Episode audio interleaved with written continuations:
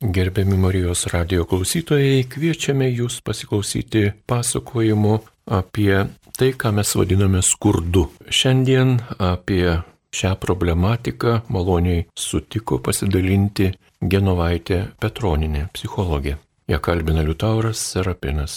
Garbėjai Kristui gerbiama Genovaitė. Sveiki. Malonu. Taigi skurdo tema. Nuo ko reikėtų pradėti šį pokalbį? Matyt, kad čia yra svarbiausias dalykas, kad keista, jog daugelis žmonių šiais laikais yra jau, na, gerokai praturtėję, bet mąstymas atsilieka. Ir žmonės masto taip, tarsi jie tebe gyventų sovietiniais laikais, ne, negalėtų sudurti galą su galu, jie taip elgesi, jie taip masto, jie dėl to kenčia. Taip, tikrai yra tokių žmonių, bet yra ir kitaip jau mąstančių, tai greičiausiai bus jaunesnio amžiaus žmonės. O jeigu kalbame apie tai, kas priverčia žmonės beprotiškai kaupti, taupyti, niekam kitam net nelieka laiko. Gal galite plačiau papasakoti apie tai? Aha, jūs pasakėte, kad tai liečia matyti vyresnio amžiaus žmonės. Aš vis dėlto pridėčiau, kad mokinukai ir studentai irgi yra tie taupytojai, tik tai aišku, jie dėl kitų priežasčių, jie dar neuždirbo. Bet tiesą sakant, net ir jų mąstymas dažnai būna netoks skurdo mąstymas, kaip va, būtent vyresnių žmonių. Vyriausi žmonės, kokie čia dar žmonės būtų žmonės, kurie, na, yra kažkokios tai, turi darbą su nedidelė alga, bet, na, gal neturi ar tai darbštumo, ar tai jie jiems trūksta fantazijos, kažkaip tai dar ką nors nuveikti. Ir tie žmonės labai linkia va, į taupimą visų pirma į taupimą, į pavydą ir pykti atžvilgių tų, kurie uždirba, užsidirba daugiau, turi daugiau, Dar tai pasireiškia tuo, kad, na, va, čia baisu klausytis, bet ypač palikimo, mirties atveju labai dažnai giminaičiai, na, susirieja dėl pinigų, tiesiog paukojamas netgi giminiškas ryšys, kaip reikšmingi tie pinigai. Ir dėja abiem pusėm, nes jeigu bent vienai pusiai būtų nereikšmingi, tai ir ne, nebūtų tas ryšys nutraukiamas, ar būtų reikšmingi mažiau. Aišku, galima čia pridėti ne vien taupimą ir tuos visus pergyvenimus, bet taip pat ir tokį tokį uždirbinėjimą, tokį, na kaip sakyti, galbūt nepragalvota, nes nieko ir blogo, kad žmogus nori uždirbti daugiau, bet kai kurie žmonės uždirbinėja tiesiog arba, na, bando kažkaip tą materialinį gerbėjų pasikelti tokiais labai neracionaliais būdais. O kiti uždirbinėja jau kažkaip tai patologiškai per daug, nepaisydami savo sveikatos, neskirdami dėmesio artimiesiam žmonėm, tai irgi, o iš skurdo mentaliteto. Ir netgi aš sakyčiau, šitie žmonės netgi viršyje pirmuosius, kurie per daug taupo arba kurie pyksta ant kitų. Tai va, yra didelis kiekis žmonių Lietuvoje, kurie vienaip ar kitaip yra veikiami pinigų ir, ir tikrai pinigai yra viena iš tų temų, kur jeigu tik tai paliečia, va, sako, nesiskolink iš draugo, nes nebebūsi draugais, kad net ir geriau, kai su toktiniai kažkaip tai tuo savo finansų šiek tiek atskiriau valdo. Tai yra tikrai tokia skausminga tema, prie kurios, va, atrodo, prieartėjai ir staiga čia kaip, na, nuoga žaizda atsiveria pas daugelį žmonių. Kuo mes labai skiriamės nuo turtingesnių vakarų, reiškia kraštų, kur iš tikrųjų pinigai, na, vat, nėra taip skausminga. Ir dabar jūsų klausimas buvo, kodėl, vat, kodėl tie pinigai tiek daug reiškia žmogui. Aišku, Didžiausias dalykas yra baime prarasti pinigus, skurdo baime, kurie eina per kartų kartas, nes jeigu, sakysime, aš atsimenu, kad mano mama gimė pokarį, jau tas skurdas buvo tokio dydžio, kad tiesiog žmonės skaičiavo, ar turės normalaus maisto. Tai dabar jos tėvai, tai netgi buvo tokių situacijų, kad skaičiavo, ar iš vis turės maisto. Tai jeigu visą tai taip labai arti, jeigu jau mano tėvų šeimoje buvo smarkiai taupoma, tai labai tikėtina, kad aš irgi nežiūrint to, kiek uždirbu, vis tiek taupysiu daug daugiau negu reikia arba dirbsiu daugiau negu reikia, kad uždirbti, kad pasidėti ten kažką tai užkaupti. Tai va, tai visų pirma, ta per kartas ateinanti būtent tėvų perdodama. Nes jeigu vaikui kalama į galvą iki 18 metų, kol jisai dar pats negali užsidirbti, kalama, kaip čia viskas pavojinga, baisu, kaip reikia taupyti, kaip gali nelikti, kaip rytoj įvyks karas, dar kažkas tai ir nieko neliks, tai akivaizdu, kad toksai žmogus paskui nesvarbu, kad jisai gauna gerą išsilavinimą, finansinį mąstymą, jisai vis tiek tą tokią baimę savo viduje turi arhaiškai. Ir jisai kur buvęs, kur nebuvęs ir jam atrodo, kad dar nepakanka. Man tai kartais netgi juokinga būna, kai mano klientai, verslininkai, sako, na, aš turiu turėti pinigų tiek, kad jeigu man rytoj kas nors nutiktų, kad jų man pilnai užtektų visam likusiam gyvenimui, Ir sakau, o kas tas pilnai, tai kiek jums mėnesių reiktų tam visam likusiam gyvenimui. Ir čia žmogus sako, tiek, kiek aš išleidžiu dabar. O jeigu dabar aš išleidžiu kokius 4-5 tūkstančius, tai aš turiu uždirbti tiek, kad liktų visam mano likusiam gyvenimui po tokią sumą. Ir akivaizdu, kad tada žmogus jau labai smarkiai turi dirbti ir kas liūdniausia, kad greičiausiai jis ir dirbs visą tą gyvenimą ir kad jis tą sumą panaudos po to tik tai gal kokius 8 metus. Ir jinai tiesiog liks nesunaudota ir tas gyvenimas bus nuėjęs savotiškai veltui, vergaujant tam pinigui. Nes jeigu žmogus žmogus dirbtų iš pašaukimo ar kažkaip tai tarnaudamas kitiem, ar, ar dar dėl kažkokių kitokių prasmių, bet vat, būtent dėl pinigų tai vyksta. Tai va tas labai svarbus katastrofų baime. Vat aš apie ją ir norėčiau pakalbėti daugiau, nes katastrofų baime apima, na čia tokia yra kognityvinė schema. Jeigu remiantis kognityvinių schemų terapija, kognityvinė psichologija, tai katastrofų baime bendrai pasižymė pinigų praradimo baime. Čia būtų tokia viena iš svarbiausių, bet ją gali įeiti, kad žmogus bijo. Bijo, kad lėktuvas nukris, bijo, kad artimieji susirgs, bijo, kad jis pats susirgs. Vienu žodžiu, iš principo tai reiškia, kad žmogus vienas dalykas nepasitikė savo jėgomis, kad jeigu aš rytoj bankrutuosiu, tai ir viskas. Aš jau nieko daugiau nesukursiu, ne, nenudirbsiu, aš tarsi būsiu išjungtas iš gyvenimo ir neįgalus kažką tai pakeisti. Kita vertus, tas žmogus nepasitikė kitų žmonių pagalba kad jeigu aš neteksiu pinigų, na tai ir viskas, ir, ir turėsiu tapti bomžu, ir, ir nukrisiu labai žemai socialiniuose laiptuose, tai kad man čia draugai, artimieji idėjomis, pinigais kažkuo padės, parems. Ir iš tikrųjų yra tokių žmonių, kurie tikrai vieniši, kurie tikrai žmonėmis nepasitikė, gal net žmonių, kai kurie ir nekenčia. Tai tas tikėjimas yra ir savotiškai pagrystas. Ir būtent vienišesni žmonės daug labiau bijo netekti pinigų negu tie, kurie yra tokiam draugų, giminių, kažkokio meilės ryšių vidury yra. Vat būtent tas nepasitikėjimas savo jėgomis, neturėjimas meilės ryšio arba toks vienišumas, tai sukuria tai, kad žmogus tarsi neturi kažkokio bazinio saugumo pasaulyje. Ir tada, kai yra ta schema, toks mąstymas katastrofinis, tai arba jisai perkompensuoja, tai čia tas persidirbimas, bandymas vis uždirbti, arba jis atvirkščiai tada toks yra sustingęs, pasidavęs tai schemai, kad nieko čia nepadarysi, tai ką jisai gali padaryti, tai nebent taupyti ir nekesti visų tų, kurie kažkaip tai kitaip elgesi. Bet baisiausia tai, kad žmogus faktiškai bet kuriuo atveju tarnauja tai baimiai. Ir kiek jam kainuoja ta baime, čia vienas iš, iš sprendimų. Nesvarbu, ar žmogus bijo lygų ir niekur neina, darosi tyrimus nuolat, ar žmogus bijo pinigus prarasti.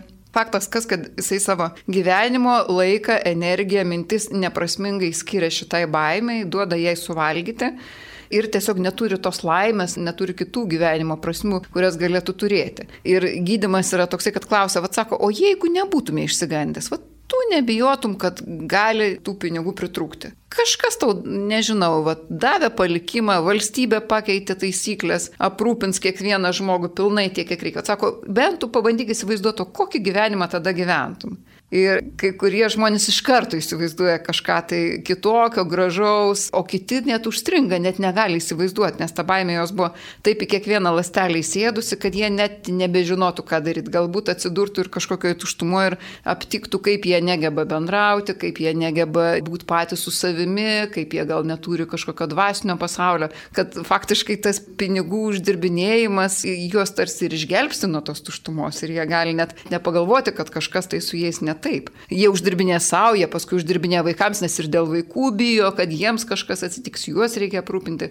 Taigi čia toksai kaip begalinis ratas, kur atrodo, kad žmogus iššoks į grabą uždirbęs didžiausią pinigų kiekį arba sutaupęs didžiausią kiekį ir, ir tai tampa jo pagrindinė, vienintelė svarbiausia gyvenimo prasme.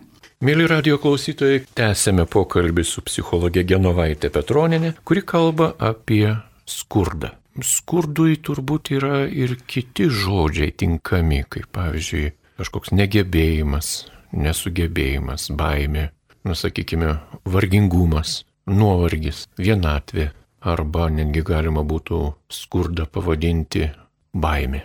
Kaip jums atrodo, dar galima būtų pavadinti skurdą kokiais žodžiais?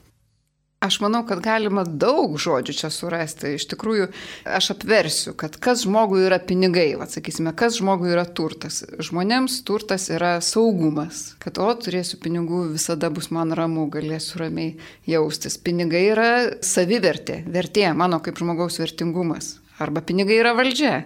Tai apie saugumą mes čia daug kalbėjom, ar ne, kad reikėtų įveikti baimę, bet va paliečiam tą kitą aspektą, kad dalis žmonių visai tos baimės kaip ir neturi. Nebent galima sakyti, kad jie bijo likti mažiau vertingi. Arba jie turi kažkokį tai nepilnavertiškumo kompleksą, kuris gali būti visai nesusijęs su pinigais. Pavyzdžiui, žmogus buvo mažo ūgio, žmogaus tyčiojosi klasėje ir taip toliau.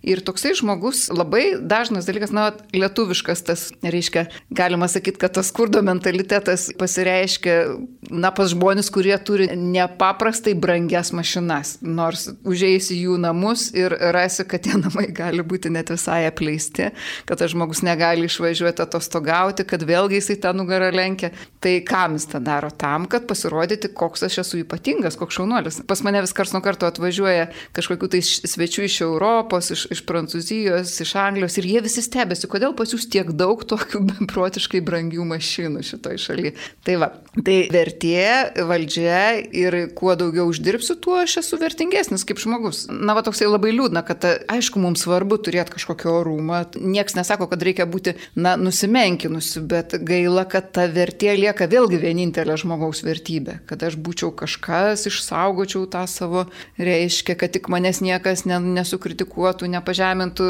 Tarsi tai būtų vienintelis tikslas, tarsi nėra šilumos, reiškia ryšio poreikios, šalia to poreikio būti savimi, savivertės poreikis svarbus mūsų visų poreikis, bet jis yra tik tai vienas iš psichologinių poreikių. Pinigai yra gale, čia ypač gal vyrų pasaulyje tas svarbu. Bet kad net ir taip būna, kad pavyzdžiui tėvai nori vaikams uždirbti pinigų ir duoti tų pinigų, bet su tikslu, kad tuos vaikus valdytų pinigais, kad tie vaikai darytų tai, ką jie nori, kad jie pasirinktų tą profesiją, kokie tėvai nori, kad jie tėvams ten skambintų tiek, kiek tėvai nori, atvažiuotų su jais, būtų, klausytų jų ten ripavimų ar dar kažko tai. Tai vyrai kartais moterų atžvilgių. Aš nekartą girdėjau, kad jeigu vyras uždirba už moterį gerokai daugiau, tarkim, dvigubai daugiau, jisai įsitikinęs, kad namuose jinai viską turi daryti ir tam tarpe net irgi užsimti vaikais. Tarsi tai būtų ne jo paties vaikai, o kažkieno tai kito ir jinai turi tuos vaikus pilnai užimti, su jais būti, stengtis, vien dėl to, kad jisai yra vertingesnis, nes jis daugiau uždirba. Ir baisiausia, kai tai nutinka šeimose, kuriuose moteris dirba tiek pat, tiesiog jos profesija, pavyzdžiui, yra gydytoja arba jinai yra mokslininkė, yra mažiau apmokama, bet pinigai suteikia galę tam žmogui. Ir kartais ta gale labai negražiai piknaudžiaujama. Arba pinigais bandoma nupirkti meilę. Vat, galima priversti pinigais, jeigu tie tikrai vaikams ar, ar tai antrai pusiai labai mirtinai reikia tų pinigų. Bet gali būti, kad tiesiog žmogus nemoka bendrauti, nemoka pasakyti šilto žodžio ir vietoj to, kad jis bandytų tai išmokti, jisai tada bando visus kampus už, užkimšti pinigais. Tada ir, ir vėlgi būti reikalingas vaikams ar, ar kitiems žmonėms dėl to, kad jisai kažką tai jiems duoda materialaus. Tokį savo savotišką neįgalumą paslėpti arba nesugebėjimą mylėti ar dalyvauti tuose santykiuose artimuose. Kas dar galėtų? Labai, man rodo, siejasi skurdas ir dosnumas su tuo, kad kai duodi, tai esi turtingas. Ir įdomiausia, kad nebūtinai turi būti iš tikrųjų turtingas finansiškai, kad duotum. Reiškia, mažai turėdamas ir duodamas, tu gali jaustis turtingu, O daug turėdamas ir neduodamas, tu nepajausi to momento, to nuostabaus jausmo, kad štai aš duodu. Aš galiu duoti ir turtingumo jausmo negaliu pajausti. Vienu žodžiu, tu gali turėti pinigų, bet negalėti pajausti turtingumo jausmo, jeigu tu jų neduosi. Čia taip atrodo paradoksiškai skamba, bet aš turiu netgi asmeninį patirtį toj vietoj. Iš studentiškų laikų. Studentiškais laikais aš turėjau tokį gerbėją, draugą, kuris na, labai kažkaip tai mane vertino. Buvo, gal ir įsimylėjęs buvo. Mes abu buvom studentai ir visiškai neturėjom pinigų, bet jisai vis mane vaišindavo kažkuo tai. Ir aš visą laiką jaučiausi tarsi už mane gerokai turtingesnis tas žmogus. Ir tik tai paskui praėjus kažkiek tai metų suvokiau, kad ir jisai jautėsi turtingesnis, ir man atrodė, kad jis turtingesnis, bet jis tiesiog buvo dosnesnis. O jis buvo realiai netgi gal skurdesnis negu aš. Tai tokie įdomus, reiškia, pinigų yra niuansai. O gal ta vertė arba esu vertingas, kas esu, ar esu vertingas, ką turiu, tai yra tik išsilavinimo ar supratimo reikalas? Išsilavinimas šitoje vietoje yra labai reikšmingas dalykas. Jeigu žmogus, na, sakysime taip, labai paprastai masto ir paprastumas turi negatyvus paprastumas, kad jam trūksta išmanimo ir kaip su kitu žmogum laiką leisti, trūksta ir vidinio pasaulio supratimo, trūksta fantazijos, trūksta žinių, toksai žmogus paprastai stengiasi visą laimę pasisemti iš materialaus pasaulio, iš uždirbimo, iš daiktų pirkimo, namų statymo, o žmogus, kuris turi tą turtingą ir vidinį pasaulį, ir fantaziją, ir žinias, jisai gali būti ganėtinai laimingas, turėdamas mažai pinigų. Jeigu pasižiūrėsime, kad ir mūsų menininkus, ir tie patys mokslininkai, profesūra dėja, dėja Lietuvoje labai nedaug uždirba ir tie žmonės pasižiūrėti jų laisvalaikio kokybę, jų nuotaiką,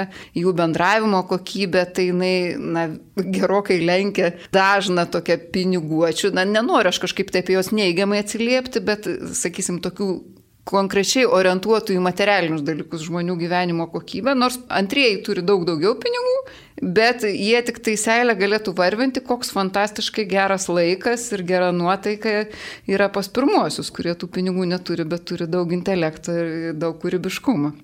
Na, girdime tokį posakį, kad va, gera širdis tai ir ubagėlis, o va tas egoistas, žiūrėk, turtingas, turtuolis. Ar teisinga tokia yra taisyklė? Jeigu pridėtume prie geraširdžio, kad geraširdis toks gal truputėlį naivuolis, gal truputį trūksta jam brandos ar emocinio intelekto brandos. Nes jeigu jam brandos užtenka, na, pinigai turi ir tokią reikšmę, kad tai iš tikrųjų tai yra energija, tai yra laisvė. Tai jeigu žmogus nori, kad jo gyvenimas būtų subalansuotas, nori, kad jisai ir būtų sveikas ir kažkokį turėtų tą gerbuvį, na bent jau tokį, kokio reikia, nepersidirbtų, nevergautų tam pinigui, tai jo geraširdiškumas vis tiek bus kažkoks tai protingas kad nesiaukoti visiems, bet kiek ir bet kaip. Nes būna žmonės, kurie tiesiog savotiškai kaip vaikai, jie šiek tiek naivus ir jie iš to savo tada gerą širdiškumą viską atiduoda, patys nieko neturi arba kažkaip nepragalvoja. Blogiausia, kad jie prastiems žmonėms, egoistams kažkokiems savo energiją, tą laiką, tą savo, reiškia, ką įkūnė pinigai irgi, kad jie labai lengvai atiduoda ir paskui lieka patys prastoj padėti. Bet klausimas, ar tikrai taip reikia daryti, galbūt ir, ir šiaip iš tikrųjų ir gerai, kad žmonės mokosi tam tikro to savo gyvenimo subalansavimo, tada ir jiems geriau, ir aplinkiniams geriau, ir kažkaip tie jų ištekliai pasiskirsto geresniu būdu. O tie žmonės, kurie turi pinigų, vėlgi aš nesakyčiau, kad jie būtinai egoistai, nes kai kurie žmonės uždirbę pinigus, jie labai gražiai sugeba juos paskirstyti ar kažkokius fondus įkūrė, ar, ar paremia kažkokius tai žmonės. Tai tik tai belieka džiaugtis, kad tie žmonės daug uždirba, nes jie daug daugiau gero padaro. Bet aišku, jų nėra dauguma tarp piniguočių, be abejo, bet, bet manau, kuo toliau, tuo daugiau bus. Na, o šeimoje turtas daug vaikų, dideli gražus namai, sveikata, o vienatvė ir daug pinigų, ar tai neliūdna? Taip, labai įdomus dalykas, kad pinigai tikrai gali duoti daug, kaip antai valdžia, galę, laisvę ir viską, ką išvardinom, saugumą, bet jie nieko bendro neturi su nevienišumu arba su meilė. Net jeigu tos meilės šiek tiek ir nusiperki vienu ar kitokiu būdu, vis tiek patys tokie ir, ir daugelis žmonių tą gali savo patirties surasti, kad patys tokie laimingiausi gyvenimo momentai dažniausiai yra kaip tik nesusiję visiškai su pinigais. Jie yra kitokie. Ar tai yra grožio suvokimo akimirka, ar buvimas gamtoj, o daugiausia tai vis dėlto šilti ryšiai, tai, na, šilti ryšiai kažkokiu kitų būdų pastatom. Ir kaip tik, jeigu tu per daug esi užsiemęs ar, ar pinigų uždirbimu, ar taupimu, ar dar yra vienas dalykas, ką žmonės daro, kurie turi problemą su pinigais, tai jie kitus bando kontroliuoti, kitiem neleidžia išleisti. Dar tokia labai didelė bėda, kad tikrai apriboja, stengiasi ar, ar ten tam vaikui kažko neduoti, ar, ar pyksta, kad kažką tai per brangiai nusipirko artimasis. Tai labai trukdo tos ryšius kurti šiltus. Na, tai nėra dalykai vienas kitam prieštaraujantis, bet vis dėlto akcentas ne į tai sudedamas. Ir vienišas žmogus, ar jisai turi daug pinigų, ar jisai turi dar kokių, tai net jeigu jis yra labai sveikas ir taip toliau, jisai vis tiek yra labai nelaimingas. Pabandykime į skurdą pažiūrėti dar ir kitų kampų. Neturtas ir nešvara antihygieninės sąlygos. Toks, na, kaip pasakytume, na, toks nevalyvumas. Ar tai susiję?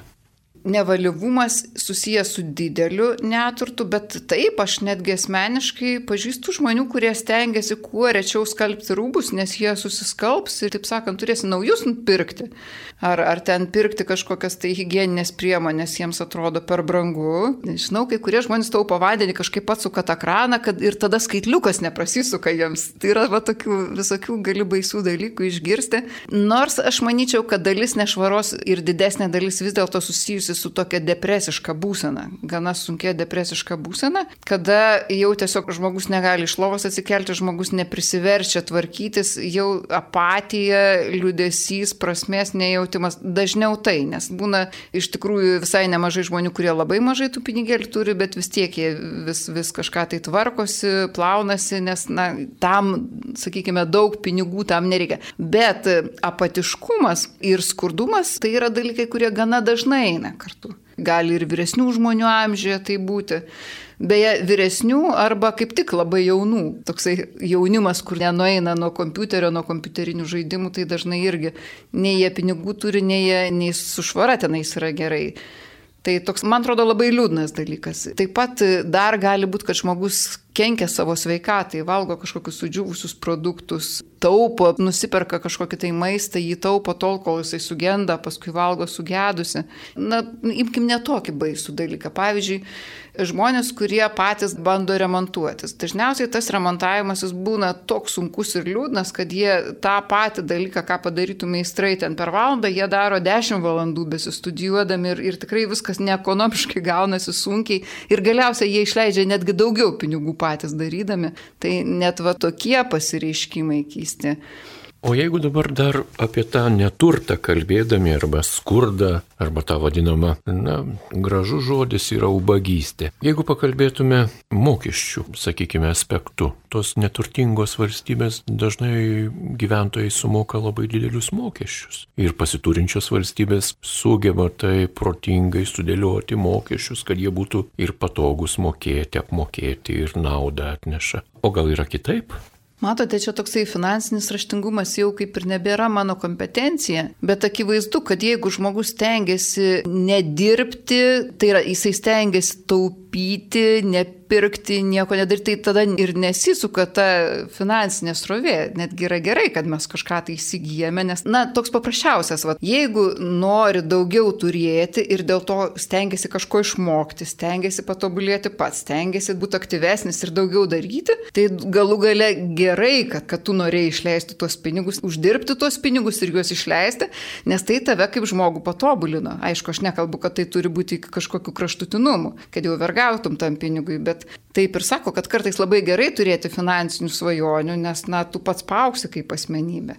O dabar atsiminiau dar vieną skurdo pasireiškimą - nieko neišmesti dar toksai įdomus yra. Ir dėja, dėja, jis labai būdingas vyresniems žmonėms ir kartais jų namai pavirsta antisanitariniam vietom, nežinia ką primena, kokius tai baisius sandėlius ir jie dar tebe kaupia kažkokius, tai va, aš atsimenu, sovietiniais laikais žmonės kaupdavo taip vadinamus servizus, patalynę kaupdavo, kažkokius senus žurnalus kaupdavo, nežinia kam jų prireiks. Tai ir dabar galime sutikti vyresnių žmonių, kurie ir tas nieko neišmesti, neva kažkas kažkada tai reiks, bet kai paaiškėja, kad jeigu daikto nereikia jau kokius metus, du ar tris ir žmogus vis tiek jį laiko, tai, na, taip pat kaip lyga jau galima pasakyti. Papasakokite apie skurdo kultūrą, kur iš kartos į kartą yra perdodamos tam tikros nuostatos, tokie susigulėję supratimai, kad, na, tiesiog gyvensime tik taip, kaip gyveno tėvai ir niekaip kitaip. Ir tada iš to kyla ir pažeminimas, ir neteisybė, ir savęs neįvertinimas. Tai skurdo kultūra, kas tai? Skurdo kultūra, taip kaip jūs ir sakote, čia yra tam tikros nuostatos, įsitikinimai, kas mums buvo kartojama arba ką mes savo akimis matėme.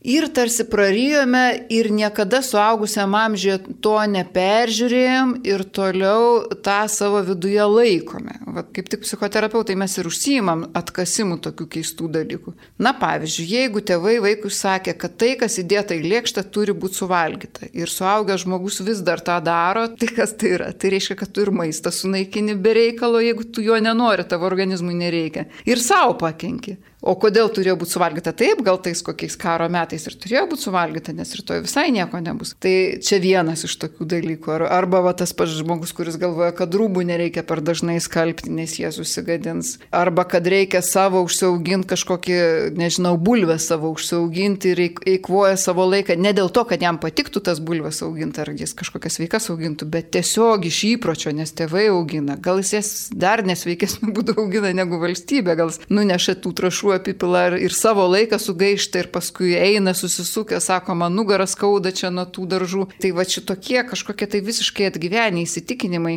Ir labai įdomu, aš kaip psichoterapeutė, kai sakau tam žmogui, nu prašom, padiskutuokime iš tikrųjų, ką duoda tas bulves va auginimas tavo konkrečiai atveju. Ir mes prieinam diskusijai, kad tai tikrai yra nesąmonė, kad tokiu būdu žmogus nesutaupo, realiai netgi išleidžia pinigus. Pavyzdžiui, važiuodamas į tą sodą, ten benziną įkvodamas, taip toliau. Tai dažnai žmonės vis dėlto nebando pakeisti gyvenimo, nes ką tai reikštų? Tai reikštų, kad tai negi aš toks kvailys buvo tiek metų, taip kvailai elgiausi. Tai geriau aš ir toliau nesuprasiu, kad aš dariau čia klaidą. Geriau aš jau ir toliau taip gyvensiu, negu suprasiu, kad va, tai bereikalo tiek energijos, kaip į kanalizaciją nuleidau ir lieka tai savo įsitikinimais. Jauni žmonės yra daug atviresnis, smegenys atviresni, kad galima kažką moderniau daryti, protingiau, vad būtent protingiau, kad nesunkiai, nesunkiai taupyk, nesunkiai dirbk, o protingiau tai daryk. Na ir laidos pabaigai dar norisi paliesti tokią temą, kuri yra tikrai bažnytinė tema. Tai yra žmonių, kurie turi tikėjimą, gyvenimo tam tikrą kultūrą ir reikėtų kalbėti apie neturtą. Neturtą, kurį randame kaip terminą Evangelijoje ir terminas yra naudojamas ir vienuolynų praktikoje, ten gyvenantys žmonės dažnai deklaruoja, jog yra neturto puoselėtojai ir kaip tą supranta. Ar tas religinis neturtas ir, sakykime, paprastas, banalusis skurdas turi ryšį? Aš manyčiau, kad visiškai netgi neturi, nes skurdas yra, na, žmogaus tokia baimėm, kompleksais paremta bėda, o neturtas, kai atsisakoma daug mąstyti ar, ar iš viso mąstyti šito klausimu ir visa ta energija paskiriama kažkokiems tai dvasiniam dalykam. Aš čia beje pridėčiau ne vien vienolyje, kur aišku tai stipriausiai išreikšta, bet va, kad ir tas pats menininkas, kuris kūrė ir, ir kūrė, kad kurtų gal vos duria galą su galu, bet jisai daro tai, dėl ko jo širdis dainuoja. Ir daugiau tokių profesijų yra. Tai visi šitie žmonės, aš manau, jie kaip tik yra savotiškai laisvesni sugeba nesikankinti, džiaugtis tuo, kas jiems prieinama, ką jiems duoda jų dovanos, jų talentas, galimybės žmonės aplinkui ir kažkaip tai ramiai susitaikyti su tuo apribojimu. Nes visi tiesą sakant, mes turim gyvenime kažkokiu apribojimu. Kažkam sveikatos trūksta, kažkieno giminės gal labai sudėtingi. Na, va šito žmogaus situacija yra tokia, kad pinigų yra nedaug kad reikia tais keliais materialiais dalykais valgyti yra ką, daugmaž viskas tvarkoj, bet jų yra labai mažai ir sugeba dėl to nesigraužti, nebijoti, tai man tai atrodo labai gražu iš tų žmonių turim daug ką pasimokyti. Jie laisvi. Ir jeigu jiems kažkas duotų pinigų, jie nesikeistų, jie vis tiek liktų tokie patys. Na ir laidos pabaigai, ką patartumėte tiems, kurie klausėsi ir galbūt rado savo problemų sprendimo, o gal dar ir nerado? Aš patarčiau žmogui, kuris klauso šitos laidos, tiesiog taip labai nuoširdžiai susikaupti ir atsakyti savo klausimą, o kur mano galvoje yra ta viežinė lastelė susijusi su pinigais. Ar tikrai jos nėra? Ar nėra, kad kažkokioje tai sferoje vis tiek mane valdo? Ar tai baime, ar tai aš per daug uždarbiauju? Gal tai nėra didelis dalykas, bet vis tiek jį atrasti vat, ir pabandyti vis dėlto apsispręsti ir ištingai kažką tai keisti toje vietoje. Labai dėkojame Jums, kad pasidalinote, papasakojote ir priminėte apie tam tikras mūsų gyvenimo patirtis, kurios kasdienybės dulkėse kartais ir pasimeta. Taigi šiandien su Jumis bendravo psichologė Genovaitė Petroninė, jai klausimus uždavė Liutauras Serapinas, linkėdamas ir toliau likti su Marijos radiju.